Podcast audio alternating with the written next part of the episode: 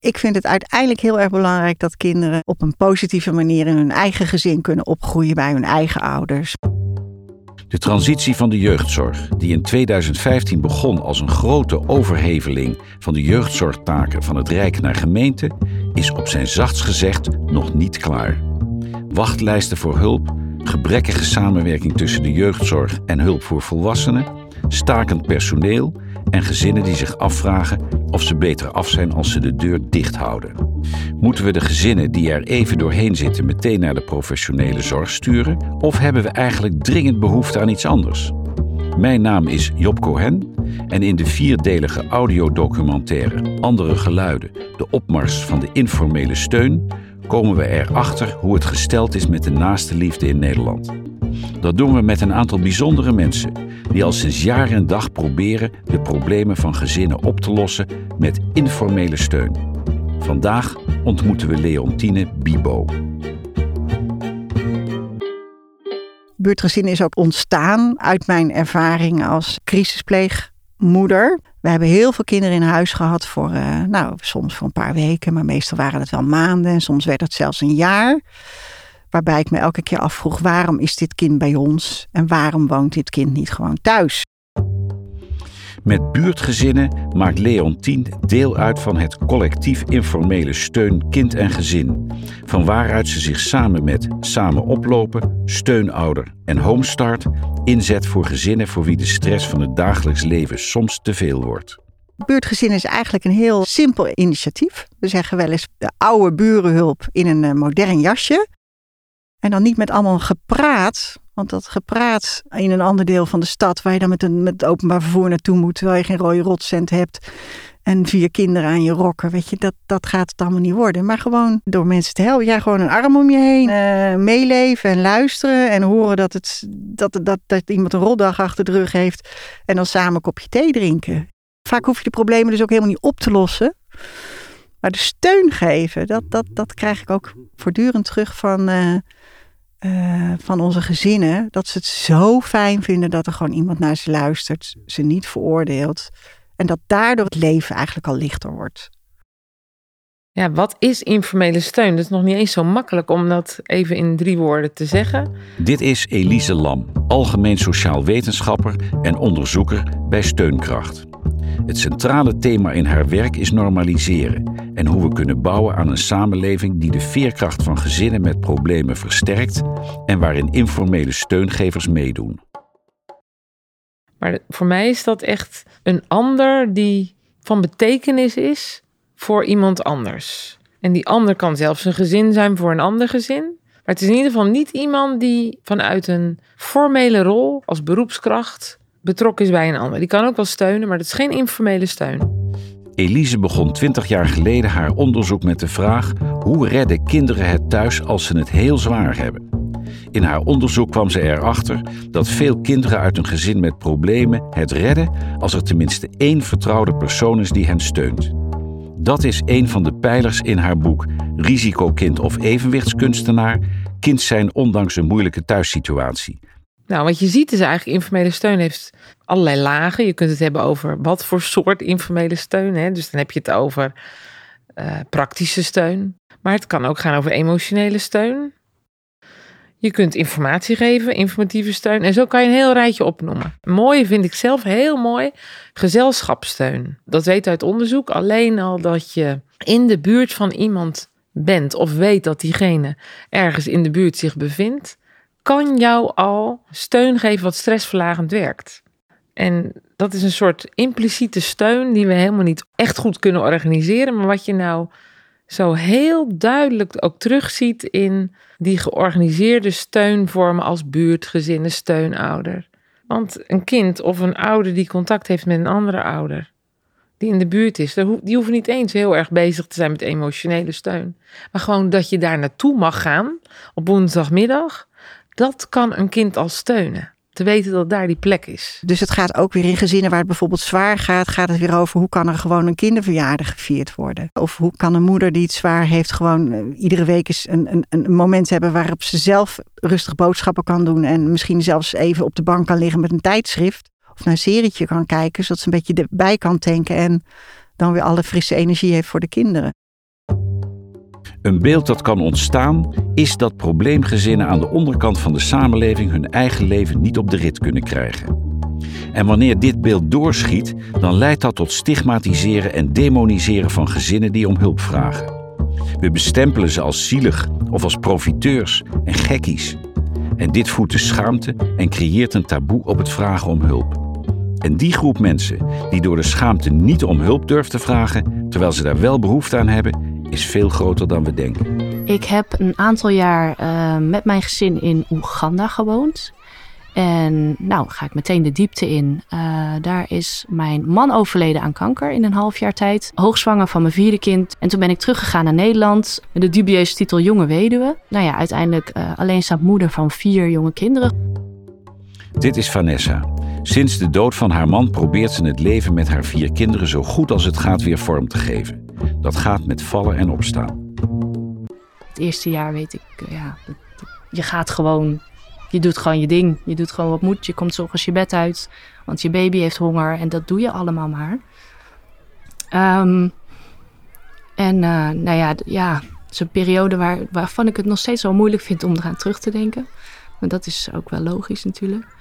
En um, toen kwam ik uiteindelijk via mijn maatschappelijk werkster, want die was mij toegekend door de gemeente. Uh, die, die vroeg mij van, goh, ken jij buurtgezinnen eigenlijk? Want um, misschien kunnen zij jou helpen. Uh, had ik nog nooit van gehoord destijds. Uh, sterker nog, ik vond dat ik alles wel alleen kon en dat ik geen hulp nodig had. En hoezo red ik dat niet? Want ik ben toch ook hoog opgeleid. Maar in de praktijk redde ik het eigenlijk niet. Wat ik opvallend vind, kijk, geen enkel gezin is, het, is, het, is hetzelfde. Als samenleving denken we misschien meer dat het de laag opgeleide gezinnen zijn, bijvoorbeeld. Maar buurtgezinnen heeft ook heel veel hoogopgeleide gezinnen die steun vragen. Nou is het wel zo hè, dat er wel een grote groep is van gezinnen die wat meer aan die onderkant van de samenleving staat. We hebben dit jaar onderzoek gedaan naar uh, hoeveel gezinnen er in armoede leven bij buurtgezinnen. Want we, vonden, we kregen de indruk dat er toch best veel waren. En dat is 35 tot 40 procent.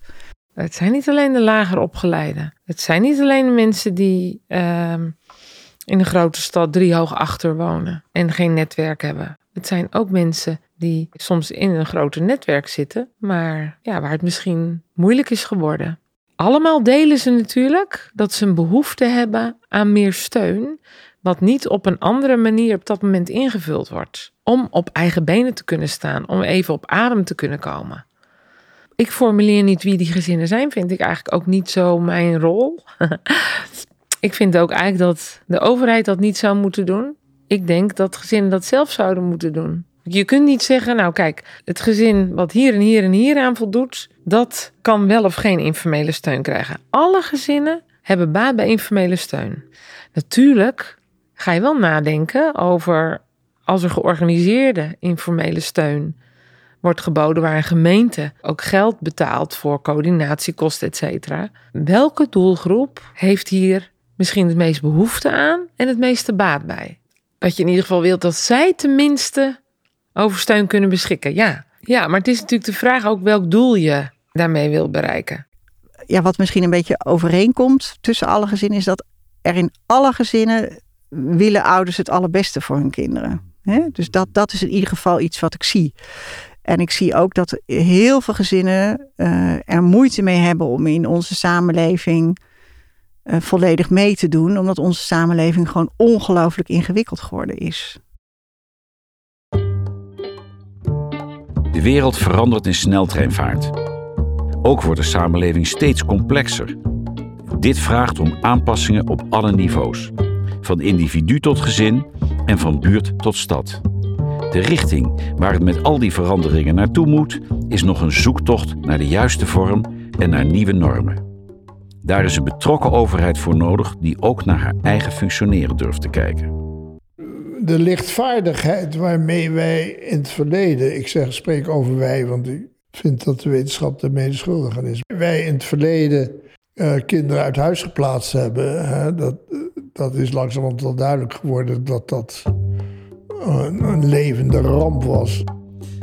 Dit is Roel In het Veld, bestuurskundige, hoogleraar, adviseur, voormalig topambtenaar en voormalig staatssecretaris van Onderwijs. Hij heeft een ontmoeting in zijn kantoor met Piet Boekhout. voormalig schoolbestuurder en op dit moment voorzitter van Netwerk Nieuw Rotterdam, een Rotterdamse jongerenclub tegen eenzaamheid, polarisatie en hyperindividualisme. Bijvoorbeeld in relatie tot de toeslagaffaire, waar ik iets mee te maken heb gehad, zijn een heleboel kinderen uit huis geplaatst. Uh, omdat uh, ja, de ouders niet meer voor ze konden zorgen, et cetera. Zonder dat daar affectief iets mis was. Maar dat geldt niet alleen voor gezinnen, het geldt ook voor allerlei andere fijnmazige verbanden in de samenleving. Hè? En dat, ik kan dat niet beoordelen, maar het theehuis in sommige culturen is natuurlijk heel erg belangrijk. De kerk is heel erg belangrijk. Nou, zo heeft iedere cultuur eigen specifieke belangrijke dingen die voor die fijnmazige altruïstische handelingen van groot belang zijn. Dat je individualiseren moet in deze samenleving, dat is denk ik wel een feit. Je wordt als individu aangesproken. Maar dat is een hele moeilijke opgave. Ik denk dat ook uh, mensen die dat aankunnen, dat die daar ook gelukkig van worden. Er is een hele grote groep mensen in onze samenleving die dat niet aan kan. Daardoor zie je daar ook incidenten rond ontstaan, die eigenlijk misschien helemaal niet bedoeld zijn, maar die gewoon ontstaan omdat de situatie niet begrepen wordt. En dit zijn geen kleine groepen, dit is een hele grote groep mensen waar ik het nu over, over heb. Eh, die hebben ondersteuning nodig. Ook hun kinderen hebben eh, ondersteuning nodig. En ik denk dat er dus ook, uh, zoals het nu gaat, dat er uh, heel veel kinderen en ouders zijn die er leven lang steun nodig hebben. Kijk, naarmate de burger zwakker in zijn schoenen staat, heeft hij meer relaties met overheden. Er zijn er ook een heleboel informatieplichten bij hem of haar neergelegd. Hè? En als je dus hebt over stress, dan zou ik zeggen, nou ja, laten we nou verder maar leven met het idee dat die stress dus voor 90% is veroorzaakt door overheden. We zouden moeten zoeken naar andere manieren van hierover nadenken. Eh, eh, want, want er zijn duidelijk groepen die dit niet aankunnen en die hier niet gelukkig van worden. En ik weet onderhand uit ervaring dat er in iedere gemeente ongelooflijk veel gezinnen zijn die steun willen bieden. Mensen willen dolgraag een ander helpen, maar ze weten niet waar ze moeten beginnen. Ze durven dat niet zomaar aan iemand te vragen. Toen ik met buurtgezinnen begon, toen dacht ik, uh, nou, we bouwen een leuke website en gezinnen kunnen zichzelf aanmelden. Hè, kunnen we lekker preventief aan de slag. Nou, de, die aanmeldingen komen niet. Want er is een enorm taboe op hulpvragen. Hè, want we hebben met elkaar een maatschappij gemaakt waarbij iedereen wel moet voldoen aan het perfecte plaatje. Dus gezinnen die, uh, die thuis achter die voordeur uh, zich heel goed realiseren dat het bij hun uh, er niet allemaal zo ideaal aan toe gaat. Ja, en dat zijn we volgens mij eigenlijk feitelijk allemaal. Het gaat er nergens ideaal aan toe. Maar gezinnen waar het echt niet goed gaat, ja, die schamen zich kapot over dat ze het zelf niet voor elkaar krijgen. Om te voldoen aan die mooie plaatjes die je via social media voorbij ziet komen. Heb ik ook wel gehoord in mijn onderzoek. Ja, ik vond het toch makkelijker om aan te kloppen bij een initiatief als, en dan komen er weer uh, een rijtje. Want um, daar zijn ook mensen die willen graag die steun geven. En mijn familie of mijn, mijn vrienden, dat vind ik echt een hele opmerking die ik heel regelmatig terughoor in mijn onderzoek. Die wil ik eigenlijk soms toch het liefst houden voor gezellige dingen. Ik wil ze niet overbelasten. Dat is echt een kant die we niet over het hoofd moeten zien. En daarbij heb je dus ook natuurlijk gezinnen die maar een heel klein betrokken netwerk hebben. Soms kunnen ze nog wel mensen om zich heen hebben, maar daar ligt het allemaal erg ingewikkeld. En dan is het heel fijn te weten, ik kan ergens naartoe bellen. En dan nog kan het moeilijk zijn om die steun te vragen en te ontvangen. En informele steun is gewoon iets wat waar zeg maar een professional niet over gaat. Maar het heeft wel degelijk voor een hele grote groep mensen heel erg veel waarde. En het was eigenlijk ook heel fijn om daar destijds met de coördinator, Denise, over te praten van goh, uh, buurtgezinnen is zo'n laagdrempelige manier om iemand te helpen. Um, is het niet gewoon een idee om dat te gaan proberen?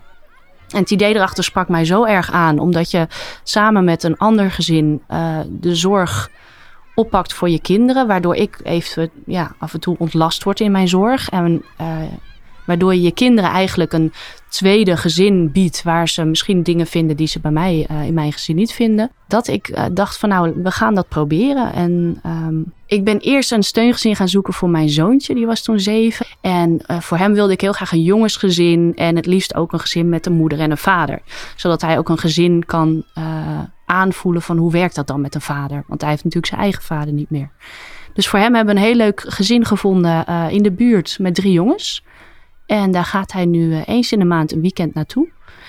En uiteindelijk heb ik ook voor uh, mijn oudste dochter naar een steungezin gezocht. Um, ook een profiel opgesteld met wat zou bij haar passen. En toen kwam de coördinator van buurtgezinnen met een gezin um, waar ik nu bij aan tafel zit. En daar zijn we toen ook op bezoek geweest en die klik was heel goed. Marlies en haar gezin zijn steungezin voor Vanessa en haar kinderen. Die klik kwam op een heel natuurlijke wijze tot stand. Ja, dat ging heel, heel vanzelfsprekend. Um, en toen hebben we inderdaad nog formeel een keer um, koffie gedronken bij ons. En uh, met de gedachte een langzame opstart. Um, maar dat ging eigenlijk heel snel. Ja, wat ik me daarvan herinner is eigenlijk dat juist omdat de kinderen zo vanzelfsprekend ermee omgingen, Um, dat dat voor ons eigenlijk ook nooit een issue is geweest. En wij klikten gewoon goed, wij konden goed met elkaar praten. En wij zagen gewoon ook dat de manier uh, met omgaan met de kinderen uh, ja, heel erg ja, vergelijkbaar is. En uh, ja, dat de kinderen zich prettig voelden. Dus dan gaat de rest eigenlijk heel erg vanzelf. Ja, om daar dan om in te haken, dat weet ik ook nog. En de herinnering die mij dan heel levendig in mijn hoofd komt, is dat we, um, we kwamen hier op de koffie. Maar uiteindelijk bleven we eten. En daar zaten we dan, uh, mijn gezin, nou dat is al een groot gezin op zich. Jullie gezin, nou nog vier man erbij, opa en oma erbij. Uh, de kinderen zaten allemaal op de bank met hun patatjes. Uh, wij zaten, of wat aten we? Ik weet, dat, dat weet ik dus niet eens meer. Waarschijnlijk patatjes. En wij zaten allemaal aan de keukentafel. En dat voelde inderdaad net alsof je gewoon met je eigen familie aan tafel zat. Dacht ik, nou, dit is een fijne plek om te zijn. En de kinderen inderdaad, die, die vonden elkaar ook allemaal aardig en dat klikte. En uh, ja, dat, dat voelde gewoon als een soort tweede thuisje. voelde heel fijn. Dat dit er is, is voor mij. Um, word ik een beetje emotioneel want het heeft me heel veel gebracht. In die zin dat ik, dat ik, um, dat ik het heel fijn vind voor mijn kinderen dat ze wat meer aandacht krijgen. En, en dat, dat die druk niet meer uh, bij mij ligt dat ik dat allemaal moet geven. Dus dat, uh, ja, nou, dan, dan krijg ik iets meer ademruimte van. En dat kan ik wel gebruiken. Ja, dus dat vind ik heel prettig. Ik denk dat het voor hun ontwikkeling gewoon heel fijn is. Um, naast het feit dat ik af en toe kan bijtanken, denk ik dat dat misschien nog wel belangrijker is. En ik vind het heel fijn dat we één, uh, één weekend in, in de maand een bonuskind hebben. En ik vind het nog veel fijner dat daarbuiten ik af en toe vier bonuskinderen heb. Uh, en dat dat gewoon, ja, dat dat gewoon zo, zo goed voor iedereen werkt. Uh, weet je, mijn kinderen worden er blij van. Ik word er blij van als ik zie hoe dat, hoe dat met elkaar speelt en het met elkaar lol heeft. ja, wat wil ik nog meer? Het verhaal van Marlies en Vanessa staat niet op zichzelf. In Nederland zorgen honderden landelijke en lokale informele steunorganisaties ervoor dat steungevers en steunvragers elkaar kunnen vinden. Door het matchingsproces te organiseren lukt het om duizenden gezinnen aan elkaar te koppelen die elkaar in het dagelijks leven anders niet zouden zijn tegengekomen. En als we dit structureel in alle gemeenten willen organiseren, dan kunnen we mogelijk nog veel meer steun tussen inwoners onderling faciliteren. Gemeenten kunnen daar een belangrijke rol in spelen. Maar waarom zouden we dat moeten willen? Nou, wat je ziet is dat mensen er meer zelfvertrouwen door krijgen. Hè? Of de, de stress neemt af. Mensen krijgen meer zelfvertrouwen. Mensen gaan vaak ook meer participeren als ze wat langer bij buurtgezinnen betrokken zijn hè, in de samenleving. Dus je ziet ook mensen die weer werk gaan zoeken. Je ziet mensen die opleidingen gaan volgen. Dus je ziet echt dat mensen soms ook vrijwilligerswerk gaan doen. Hè? Dus je ziet dat mensen ook gewoon weer meer betrokken raken in de samenleving. Nou ja, dat zijn natuurlijk ontzettend mooie effecten. Hè? Verder gaat het, weet je, die, die, die stress die afneemt, betekent gewoon dat het beter gaat in een gezin. Um, dus de effecten voor de ouders zijn heel groot. Daarnaast zijn er effecten voor de kinderen. Hè? We, we krijgen terug dat kinderen ook meer zelfvertrouwen krijgen. Dat kinderen het mentaal welbevinden neemt toe. Dat vergat ik nog te zeggen over de ouders, maar dat zien we zowel bij de ouders als de kinderen. We zien zelfs dat gedragsproblemen afnemen bij kinderen, dat kinderen het beter doen op school. Dus de, ja, de, de impact is gewoon heel groot op de levens van gezinnen. Bij een eh, deel van de gezinnen uh, voorkom je jeugdzorg. Hè? Dus, dat, um, dus dat is zeker een verlichting. En daarnaast is het ook wel zo dat, uh, dat we ook verlichting bieden doordat we ook wel actief zijn in gezinnen waar al wel jeugdzorg is. Maar waar we ervoor zorgen dat jeugdzorg minder tijd hoeft te besteden aan een gezin. Doordat er ook een steungezin is wat allerlei um, dingen doet voor dat gezin. Dat dus ook een steungezin een brug kan zijn weer naar formele hulp. Ik vind dat ook een, echt een belangrijke. Dus, dus dat, dat kan ook weer de zorg weghalen bij um, uh, professionals, bij, bij formele hulpverleners. Een steungezin kan ook zeggen: dit, dit, dit wordt te veel. Er moet iemand bij. Er moet, moet andere hulp bijkomen. En daarin ook motiverend zijn. Dat zien we echt informele steungevers, of nou georganiseerde informele steuners of, of familie, zijn ook regelmatig een brug naar formele hulp. Ga nu naar de dokter en ik ga met je mee. En als jij het niet durft te vertellen, vertel ik het. Of het gaat helemaal niet goed op school met jouw kind. Vind je het fijn als ik met jou meega? Ja, dus, dus een steungezin en die coördinator van zo'n organisatie kan ook juist weer toeleiden naar formele hulp als ze merken, dit gaat de grenzen te boven van de steun die geboden wordt. In die end wil ik echt ervoor zorgen dat kinderen niet in pleeggezinnen terechtkomen en niet uit huis geplaatst worden. Burenhulp. Het lijkt zo eenvoudig, maar blijkbaar moet het georganiseerd worden. Om te zorgen dat mensen die steun nodig hebben en mensen die dat willen bieden, elkaar ook vinden. En toch, het lijkt ook te wringen. Want informele steun het begint al een beetje op vakjargon te lijken, moet dat niet gewoon vanuit onszelf komen? Vanuit een samenleving die naast de liefde als van nature in zich meedraagt. Kunnen we daar met z'n allen naartoe? Is dat een realistisch toekomstbeeld? Ik heb dat altijd gezegd. Ik heb altijd, uh, toen ik begon met buurtgezinnen, zei ik: ik ga dat 15 jaar doen en dan trekken we de stekker eruit en dan doet iedereen het weer zelf. Uh, ik ben bang dat ik daar iets te optimistisch in was, maar ik zie buurtgezinnen echt als een soort van vehikel om uh, dat wat we niet meer van nature doen. Er is een enorme vraag en handelingsverlegenheid gekomen, denk ik. Hè? Zo wordt dat wel genoemd. In, uh, nou ja, een beetje in, uh, in, in, het is wel een beetje jargon. dus we doen dat niet meer uit onszelf. En ik denk dat buurtgezin een vehikel is om dat weer op gang te brengen. Dan haak ik even in op dat informele steun en hoe dat dan ontstaat. Um, want in eerste instantie is Sora hier dus geplaatst. Goede match ook. En uiteindelijk, uh, de laatste keer dat ze hier was, gaf Sora zelf aan dat ze toch wat minder aansluiting voelde. Omdat zij, uh, ze is bijna tien. de kinderen hier zijn iets jonger. Als tiener heb je andere behoeftes. dus zij wilde toch eigenlijk liever een gezin waar wat oudere kinderen zijn. En toen heb ik dat ook aan Marlies aangegeven. Ik heb haar opgebeld. En toen hebben we eigenlijk tijdens dat telefoongesprek um, besloten om te kijken of Evie, mijn andere dochter, die is nu 6,5, om te kijken of die dan wellicht um, ja, dit steungezin kon overnemen. Zo, zo lijkt dat haast. Dus die is afgelopen keer hier blijven logeren dan dat weekend.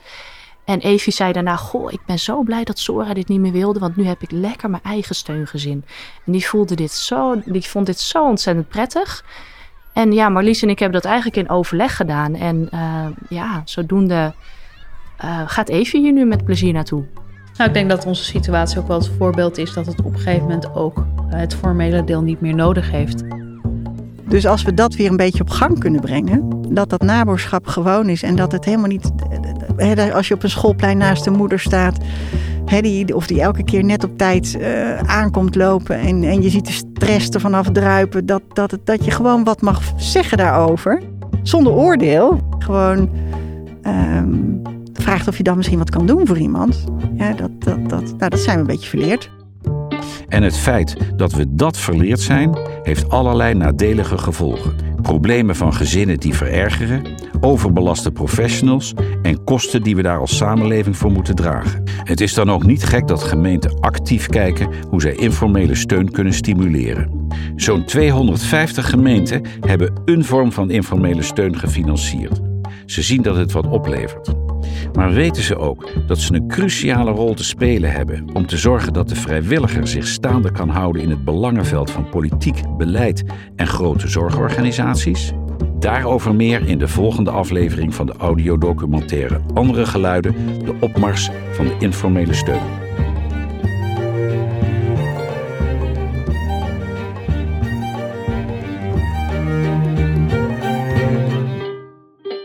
Wil je meer weten over wat informele steun kan betekenen voor gezinnen in jouw gemeente? Ga dan naar www.informelegezinssteun.nl.